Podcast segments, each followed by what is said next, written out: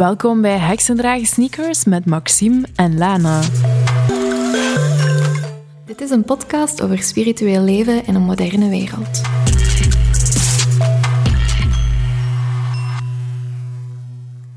Hoi Lana. Dag Maxime. We waren net voordat we begonnen met opnemen bezig over het onderwerp waar we het nu over gaan hebben. En we beseften, we waren aan het denken, is daar een mooi Nederlands woord voor? Er is geen mooi Nederlands woord voor. We gaan het vandaag hebben over triggers. En mijn eerste oproep is, misschien moeten we met z'n allen eens nadenken voor een mooie Nederlandse beschrijving, zodat we ook in het Nederlands kunnen uitleggen wat we, wat we willen zeggen. Wat vind je, Lana? Uh, ik vind dat een goed idee, want ik zou het eerlijk gezegd niet weten. Um, trigger, dat is een beetje moeilijk om, om uit te leggen. Het is, het is dus een Engels woord en betekent eigenlijk dat iets jou... Um, Triggered, daar gaan we Ja. dat iets jou triggert, dat iets jou raakt, maar eigenlijk in de negatieve zin. Iets dat um, ervoor zorgt dat je uit je evenwicht raakt. En iets dat ook um, oude patronen of denkwijzen activeert, die ervoor zorgt dat je reacties op de bepaalde manier um, ja, gestuurd worden door hetgeen dat je tegenkomt. Ja, dat is inderdaad. Het is heel moeilijk om het te omschrijven. Ik denk dat we eerder voorbeelden moeten gaan geven um, voor mensen die niet weten wat dat triggers zijn. Mm Dat we misschien een beetje uit ons eigen leven kunnen uh, gaan vertellen. En dan kijkt ze zo met een blikje zo van, ja, begint jij maar. Ja, we gaan hier nu even uh, heel diep en open gaan uh, over onze inner thoughts en uh, dingen die ons angst misschien inboezemen. Mm. Dus het wordt wel een heel open aflevering. Dus ja, Maxime, ik denk dat jij mag beginnen. ja. En vooral ook, um, we doen dit zodat jullie goede voorbeelden hebben. Hè? Het is vooral het is moeilijk om uit te leggen. Wij tonen dit met voorbeelden. We doen dit ook omdat we weten dat mensen zich erin gaan herkennen. Dus als je je ergens in herkent, you're not alone.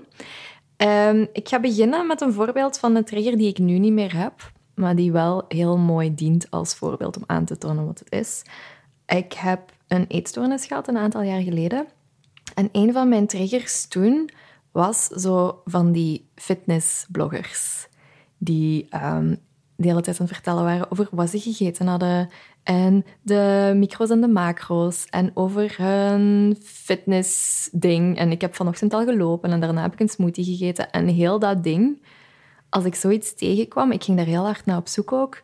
Maar dat kon mij zo hard triggeren en dat kon mij emotioneel zo hard raken als ik zag wat andere mensen aan het eten waren. En dan ging ik oordelen over wat ik aan het eten was of niet aan het eten was. En dan begon ik helemaal te flippen over, zie hoe dat die mensen eruit zien en zo zie ik er helemaal niet uit. Dus dat is lange tijd een van mijn grootste triggers geweest. Ook toen ik zo mm, niet meer echt een eetstoornis had, maar eten wel nog altijd een beetje een moeilijk onderwerp was, was dat ook zo met bijvoorbeeld gewoon gezonde bloggers die zo receptjes posten. Of ook langs de andere kant van het spectrum, mensen die zo zonder problemen foto's van ijsjes en gebak en zo posten. Zo al de dingen met eten, die kwamen bij mij heel hard binnen. En dat was een trigger voor mij.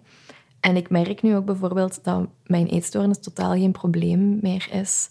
Net omdat die dingen mij niet meer raken. Die dingen hebben nu gewoon een neutrale lading. Dat is één van mijn, van mijn triggers geweest ooit.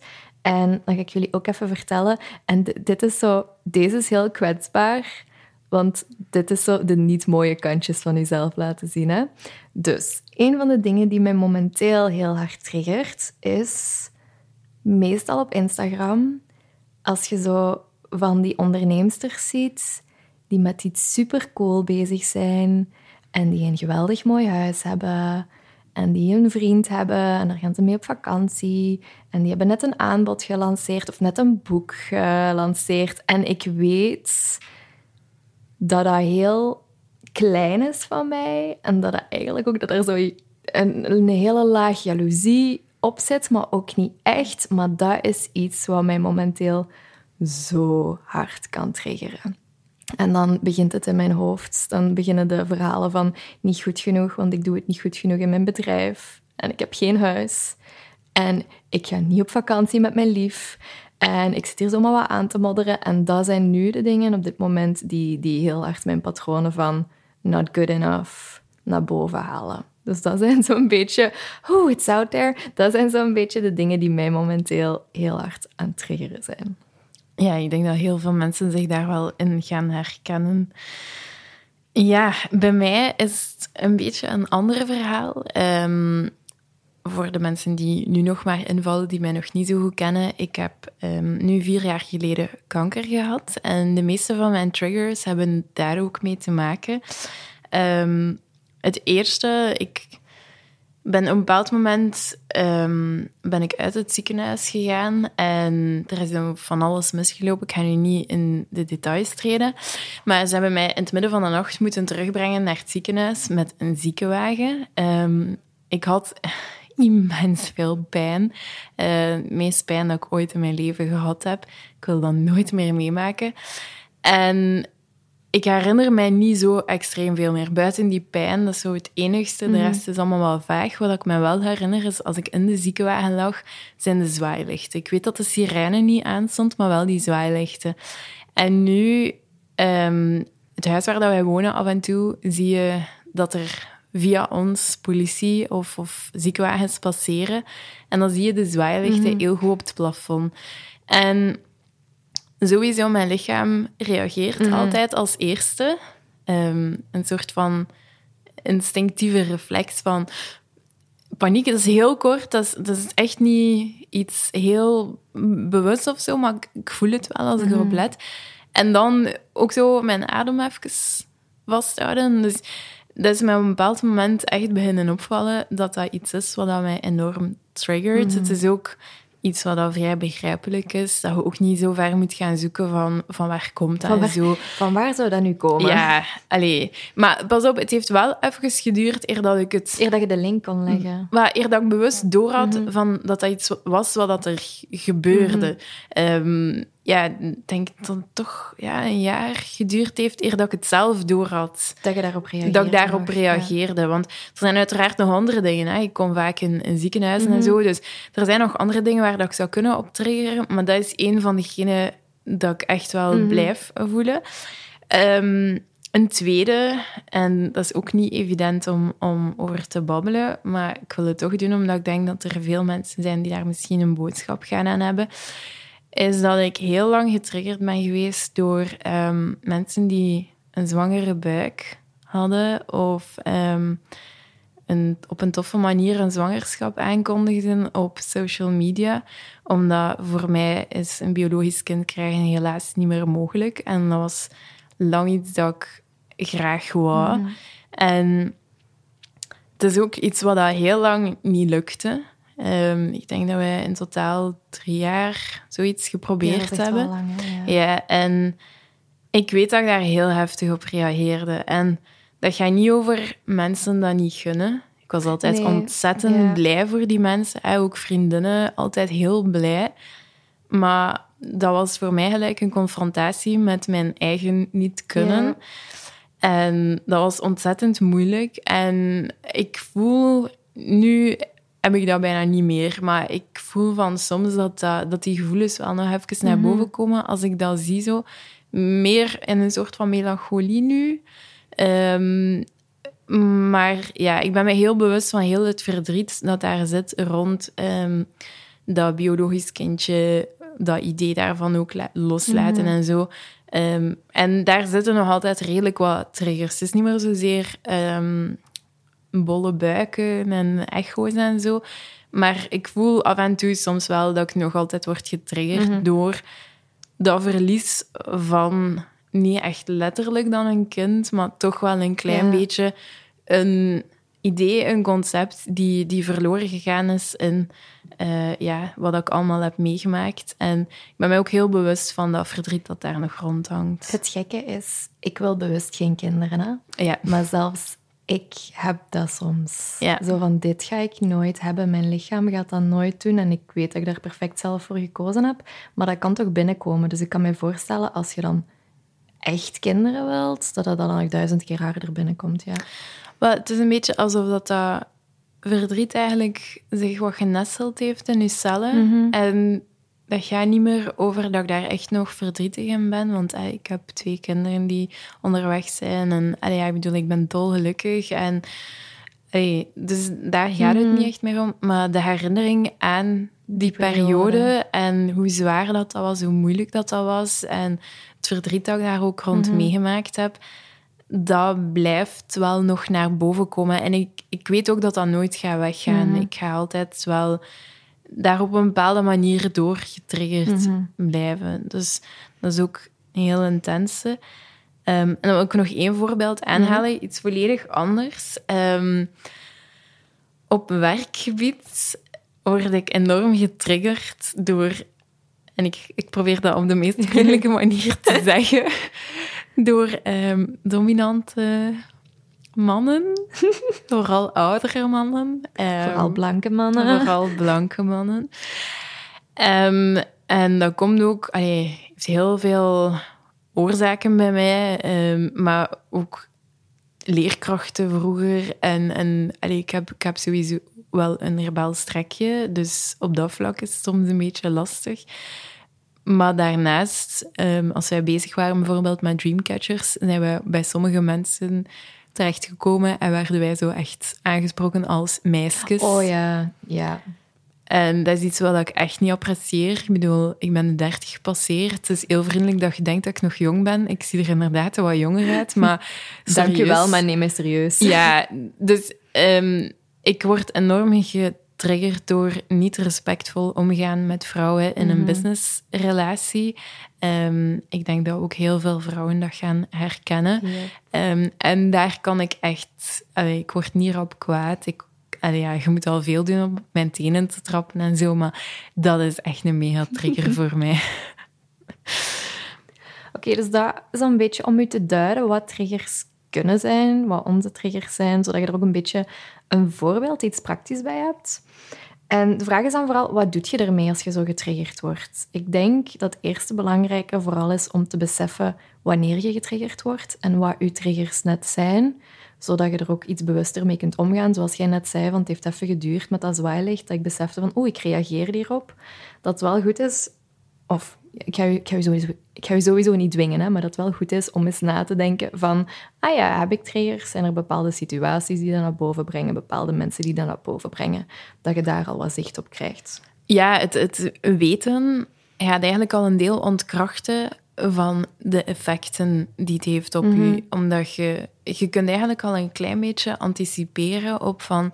Bijvoorbeeld als ik in een werksituatie kom en ik weet wie dat er voor mij gaat zitten... Dan weet ik al van, oké, ja, ik moet me daar mentaal een beetje op voorbereiden. wil niet zeggen dat de trigger daarom minder is... Maar je bent wel iets meer voorbe- voorbereid, waardoor dat niet zoveel kracht Ja. op je heeft.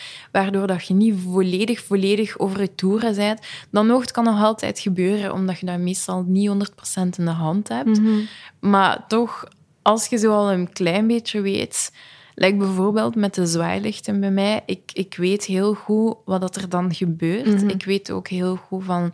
Oké, ja, ik moet deze gewoon even laten gebeuren. Ik weet ook van dat ik vrij snel al... Allee, momenteel al vrij snel herstel.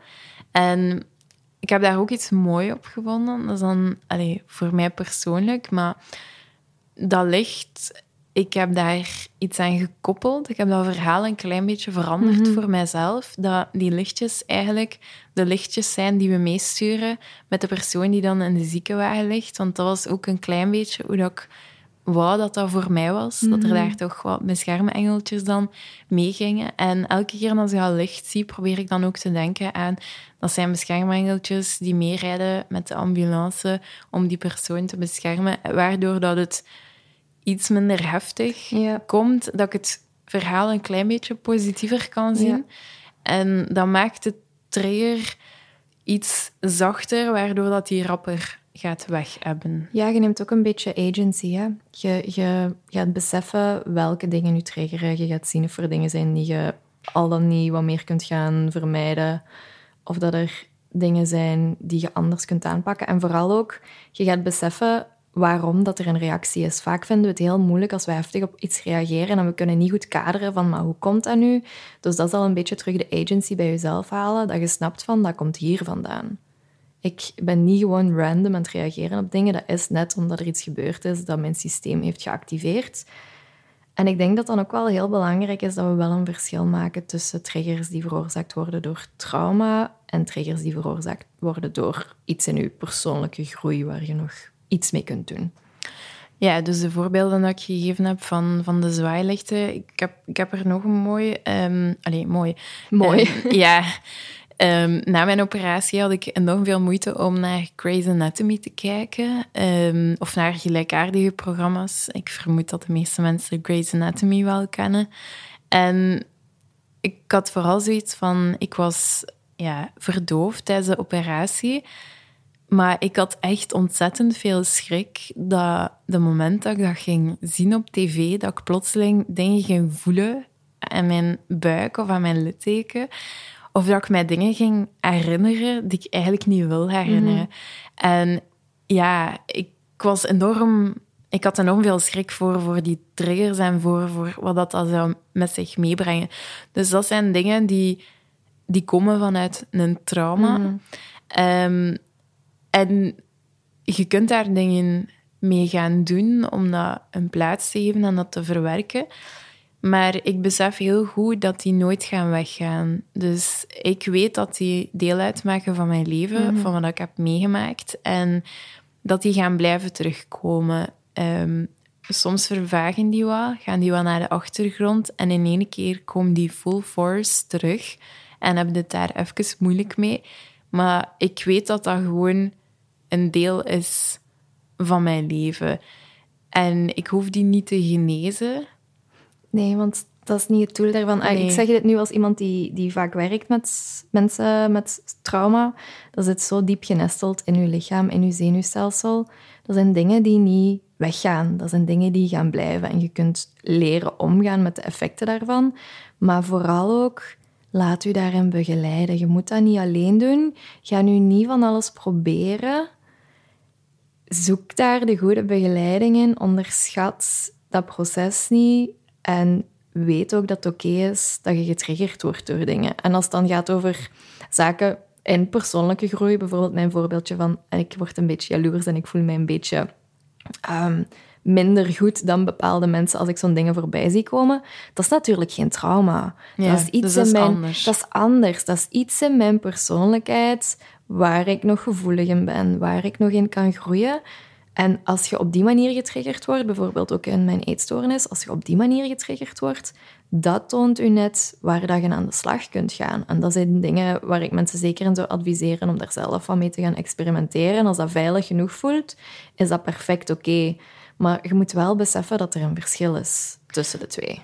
Ja, ik heb ook uh, na mijn operatie, denk twee jaar therapie gehad, mm -hmm. waarin dat ik daarin begeleid werd. Dus ik heb dat ook niet op mijn alleen gedaan. Mm -hmm. Dus traumaverwerking is echt wel iets waar dat je begeleiding in nodig hebt om daar mee te kunnen omgaan. Maar ik blijf erbij. Het is niet iets dat gaat verdwijnen. Mm -hmm. Dus je leert gewoon om dat een plaats te geven. En als dat net ook, je leert om te verwachten dat het gaat terugkomen. Ja. En dat, dat heeft mij vooral rust gegeven dat niet, het hoefde niet te verdwijnen. Die gevoelens die ik daar rond had, die, die krijgen een plaats in mijn leven. En ik heb een deel van, bijvoorbeeld rond de zwangerschap en zo, heb ik een deel daarvan kunnen verwerken mm -hmm. doordat ik dat in mijn tattoo heb gestoken. Dat ik weet van, het is een deeltje van mij, het blijft altijd bij mij. En ik hoef het niet te vergeten. Ik hoef het niet langs kant te schuiven.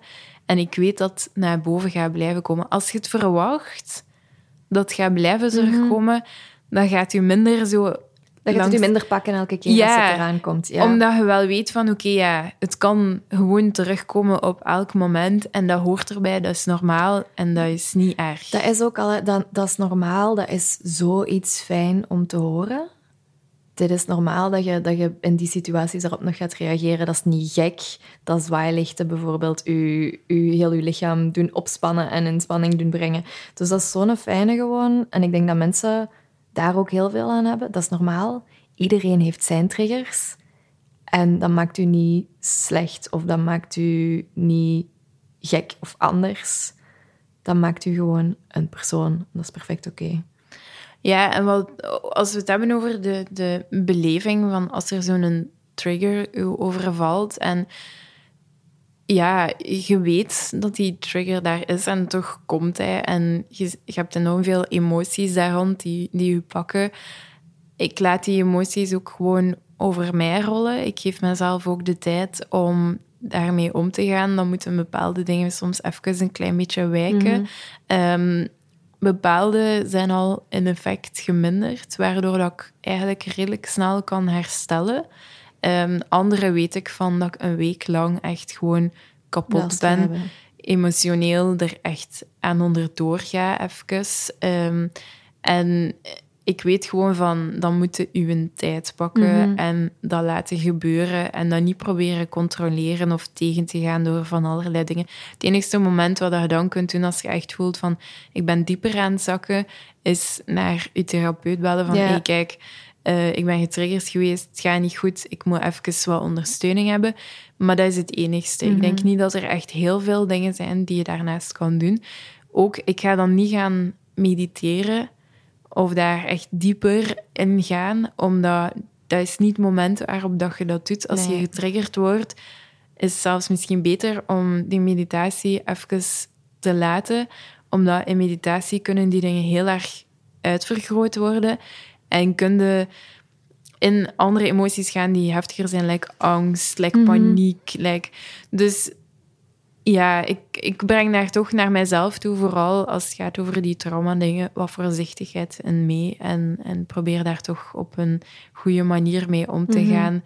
Een slimme manier en echt wel hulp te vragen als het nodig is. Mm mocht je daar nu weer meer over willen weten, over ehm, trauma, hoe daarmee om te gaan, ik heb wel een paar goede boeken die je kunt lezen. Ik ga daar voor de rest ook geen...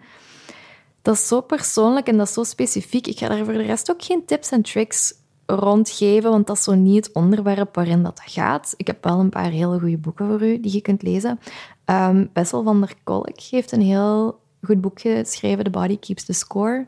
Dat gaat over wat er in uw lijf fysiek echt aan het gebeuren is wanneer dat je trauma ervaart, maar ook wanneer dat je triggers hebt, traumatische ervaringen die terugkomen, hoe dat je systeem daarop reageert.